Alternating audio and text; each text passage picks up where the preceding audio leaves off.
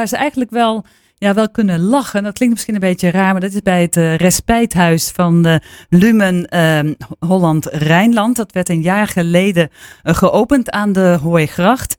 En ja, respijthuis. Het zijn eigenlijk meer uh, vier kamers op zolder, zou je kunnen zeggen.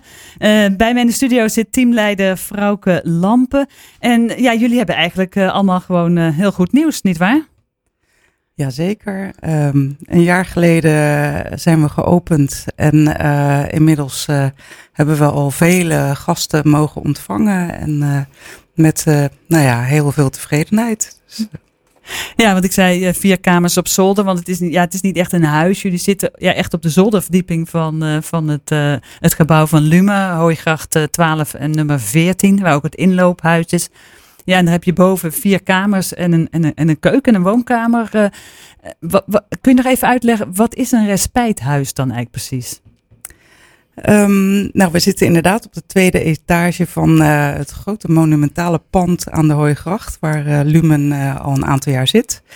En dat is vorig jaar helemaal verbouwd. En we hebben inderdaad vier slaapkamers waar mensen kunnen logeren. En een woonkamer met een kleine keuken. Um, en um, ja, deze kamers die zijn uh, zo ingericht dat het eigenlijk een soort bed and breakfast gevoel geeft. En uh, met, uh, eigenlijk is het een bed and breakfast met een luisterend oor. En het respijthuis is eigenlijk bedoeld voor mensen die last hebben van psychische problemen, psychosociale problemen. En waar de spanning oploopt, de stress oploopt. Uh, en die eigenlijk even respijt nodig hebben. Rust, even een adempauze. En daarvoor kunnen ze bij ons komen logeren. Hm. En hoe lang kunnen ze dan blijven? Uh, mensen kunnen maximaal twee weken blijven logeren. En uh, ja, eigenlijk hebben we nu terug kunnen kijken dat de, de gemiddelde verblijfsduur is ongeveer elf dagen. Dus uh, de ene is een paar nachtjes en de andere blijft echt de volle twee weken. Ja, en, en je zei het zelf al, ik had het ook al gehad, is het een soort B&B? Uh, is het een soort vakantie voor mensen of moet er ook nog wel iets gebeuren? nou, het, ik denk wel dat het een beetje vakantie kan zijn. Het is eigenlijk Waar we van uitgaan is uh, van de behoeften van de mensen die bij ons komen logeren. Sommige mensen willen juist hun structuur weer een beetje opbouwen. En die, uh, nou ja, die krijgen om negen uur een klop op de deur van joh, kom je ontbijten? En andere mensen die uh, komen echt om even helemaal tot rust te komen. En nou ja, het voelt inderdaad voor sommige mensen wel als even een vakantie. Even weg uit de dagelijkse zorgen en de dagelijkse verplichtingen. En dat uh, ja, er zijn ook veel mensen in de doelgroep waar wij voor werken die ook uh, nou ja, weinig financiën hebben om echt op vakantie te gaan naar het buitenland. Iedereen heeft wel eens een break nodig. dus dat kan bij ons inderdaad. Ja, dat je even loskomt van misschien wel de stress waar je in zit en daardoor uh, ja, wellicht een, dat je een opname kunt voorkomen echt in een, in een instelling of zo. Jazeker. Um, het is nu zo dat uh, steeds meer mensen wonen thuis. Uh, ze hebben steeds minder bedden beschikbaar voor opname. En eigenlijk is een opname pas als het echt crisis is. En dat wil je natuurlijk het liefste voorkomen. En het respijthuis is ook vooral daarvoor bedoeld om te voorkomen dat mensen verder afzakken en er crisiszorg nodig is. En um, ja, soms zijn mensen wel opgenomen geweest. En kunnen ze bij ons de tussenstap maken tussen een opname en weer naar huis. Hm. Dus dan is de overgang wat minder groot. Hm. Dat je niet meteen helemaal zelf voor alles uh, verantwoordelijk bent. Want merk je dat dat dan ook, ook zo werkt? Dat je zeg maar opnames voorkomt met zo'n respijthuis? Ja, zeker. Dat merk ik echt. Mensen uh, ja, die, die kunnen weer eventjes een beetje afstand nemen van hun uh, ja, dagelijkse problematiek kunnen bij ons ook ondersteuning krijgen van onze ervaringsdeskundigen. Um, kunnen ook weer inderdaad, als ze bij ons blijven, een, een plan maken voor als ze weer naar huis gaan. Hoe kan je voorkomen dat je eigenlijk weer terugstapt in precies hetzelfde als waar je net uh, vandaan kwam. En we hebben ook wel dat we mensen ook nog wel blijvend uh, ondersteunen voor een langere periode. Uh, en dat ja, zijn toch allemaal ingrediënten om te zorgen dat iemand net niet in die crisis terechtkomt. Ja, en uh, van uh, als mensen dan uh, zeg maar in zo'n. je zei net van ja, mensen weten ons wel te vinden. Is er ook nog zeg maar een groep die je mist, waarvan je denkt, ja, maar eigenlijk weten we dat daar ook nog wel een behoefte zit, maar die vinden we nog lastig te bereiken? Um, of die denken misschien, ja, het is niet voor mij. Ja, nou, dat is inderdaad. Soms uh, denken mensen inderdaad, ja, mag ik hier dan wel logeren? Inderdaad. Mensen denken soms ook dat ze een verwijzing of een indicatie of een bepaalde diagnose nodig hebben. Maar dat is juist wat wij niet willen. Mensen kunnen gewoon zichzelf aanmelden. En vaak hebben we wel dat hè, ze ergens door een hulpverlener op onze plek gewezen worden.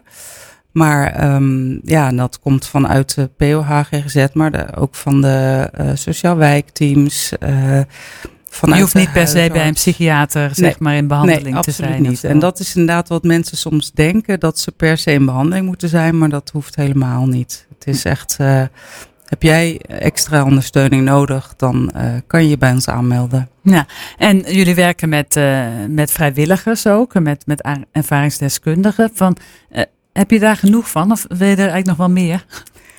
Nou, we hebben uh, een, een, eigenlijk een, een, groep vrijwilligers, een beetje een vaste kern, die al een tijdje uh, aan het werk is. En daaromheen zit een, een, een wat flexibelere groep. En dat zijn ook uh, bijvoorbeeld stagiairs van, van de Leidse Hogeschool.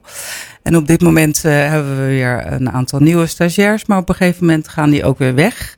Dus we zijn eigenlijk altijd een soort van, de doorloop is best groot. Uh, rondom die vaste kern. En dat is ook wel heel leuk.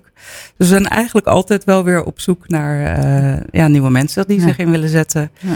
En dat kan echt in de dienst zijn. Uh, we hebben drie verschillende diensten, ochtend, middag, avond. Maar het kan ook zijn dat je zegt van nou, ik vind het heel leuk om te koken. Hm. Heel graag. Ja. Dat, ja, en die kunnen zich ook bij, bij jou melden. Zijn er nou bepaalde seizoenen waar, uh, waar je merkt van ja, dan is er eigenlijk wel meer behoefte aan, de, aan zo'n huis? Ik kan me voor misschien wel na, juist net na de zomervakantie. Ja, we merken dat uh, ja, zo in een jaar, uh, we kunnen nu een jaar terugkijken en je ziet wel een beetje een soort golf. Ik weet niet of dat een golf is die ook echt een trend is. Maar we hebben net eigenlijk een beetje wat rustigere periode gehad. Uh, een aantal weken dat het wat rustiger was. En je merkt nu eigenlijk dat uh, nou, er meer, meer aanmeldingen binnenkomen. En, uh, maar het is, ja, ik denk een beetje de, het, het voor- en het naseizoen van het jaar, die zijn wel het drukst geweest afgelopen, afgelopen jaar dat we ja. open waren. Ja, want jullie bestaan nu één jaar en vrijdag is er een soort van feestje. Ja, klopt. Vrijdag uh, 22 september tussen 3 en 6 hebben we open huis. Um, en uh, ja, iedereen die benieuwd is en een kijkje wil komen nemen, is van harte welkom. En nou ja, dan is het een mooi moment om even met elkaar te vieren dat we deze mijlpaal bereikt hebben. En dat we gewoon weer lekker doorgaan. En, en willen jullie zeg maar nog uitbreiden of zeggen nou, het is eigenlijk wel goed zo? Nou, voor de uh, Leidse regio uh, is dit uh, voor nu goed. Um, ik denk wel dat het, dat het vooral heel belangrijk is, omdat het op steeds meer plekken beschikbaar komt. En mogelijk ook inderdaad, we hebben er ook in in, in Alphen aan de Rijn. En het zou leuk zijn als we in een andere gebied waar we werken ook. maar goed, dat is natuurlijk altijd afhankelijk van wat de gemeenten willen. En we hebben het geluk dat de gemeente van de Leidse regio uh, ja, het heel belangrijk vonden dat deze voorziening er kwam. En uh, dat ze ons daar ook uh, de financiële middelen voor geven. Nou. Dus dat is heel fijn. Nou, nou gefeliciteerd uh, vrouwke met het eenjarig bestaan van het Respijthuis. Het is ook wel fijn om gewoon goed nieuws te hebben van dat het allemaal lekker loopt. Zeker. Heel veel plezier vrijdag en uh, dankjewel dat je hier wilde komen vandaag. Hartelijk dank. Dat was vrouwke Lampen van het uh, Respijthuis van Lume Holland-Rijnland. Zit aan de Hooigracht.